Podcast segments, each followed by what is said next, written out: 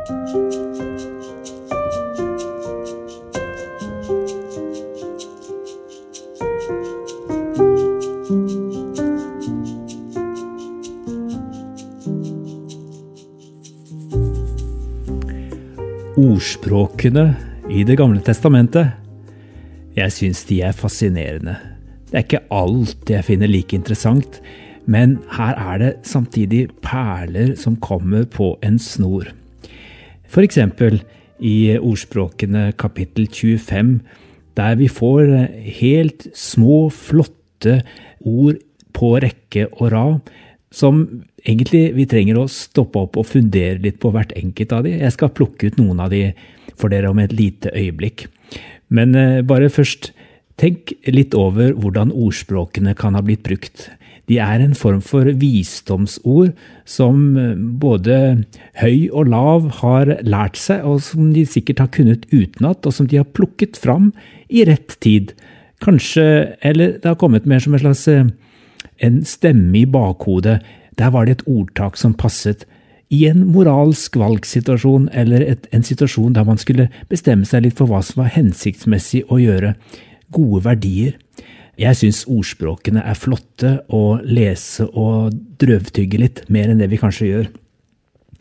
Og akkurat vers 11 i kapittel 25 handler nettopp om at dette er ord i rette tid. Som epler av gull i et smykke av sølv er ord som blir talt i rette tid. Som en ring av gull, som et smykke av fint gull, er refsende ord fra den vise for et lydhørt øre. Og da ser vi at det trenger å være en god match både mellom den som sender ord, som også kan være litt refsende, og den som skal motta dem. Blir det en ring av gull, da er det under forutsetning av at det også er et lydhørt øre som tar imot. Som svalende snø når det er tid for å høste, er et trofast sendebud for den som sendte ham. Han gir sin herre nye krefter. Jeg ser for meg hvordan man har tatt imot et, et godt budskap fra en som kommer tilbake og forteller en god nyhet, og så kommer dette ordtaket fram igjen. Å, nå var du som svalende snø når det er tid for å høste. Lik skyer og vind som ikke gir regn, er den som skryter av gaver han ikke gir. Ja, noen ganger så kan det være greit å melde fra om at eh, det som var blitt lovet, ikke er blitt levert, og da kan det være et fint bilde. Du er som skyer og vind, som ikke gir regn. Eller Finner du honning, så spis bare det du trenger, ellers blir du for mett og må kaste opp.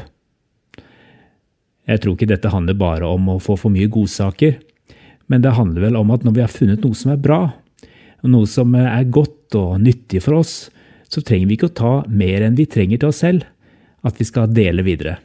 For ellers så blir det faktisk ikke hensiktsmessig for oss heller. Og det er nok honning til alle. Spis bare det du trenger. Til slutt, vers 15. Med tålmod blir høvdingen overtalt, en mild tunge knuser bein. Det er faktisk ikke sånn at det alltid er store ord og styrke som eh, teller, men det er av og til det å holde ut lenge, og det er å bruke en mild tunge over tid.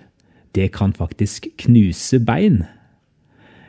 Jeg syns det er fornøyelig, og også utrolig lærerikt, å lese ordspråkene.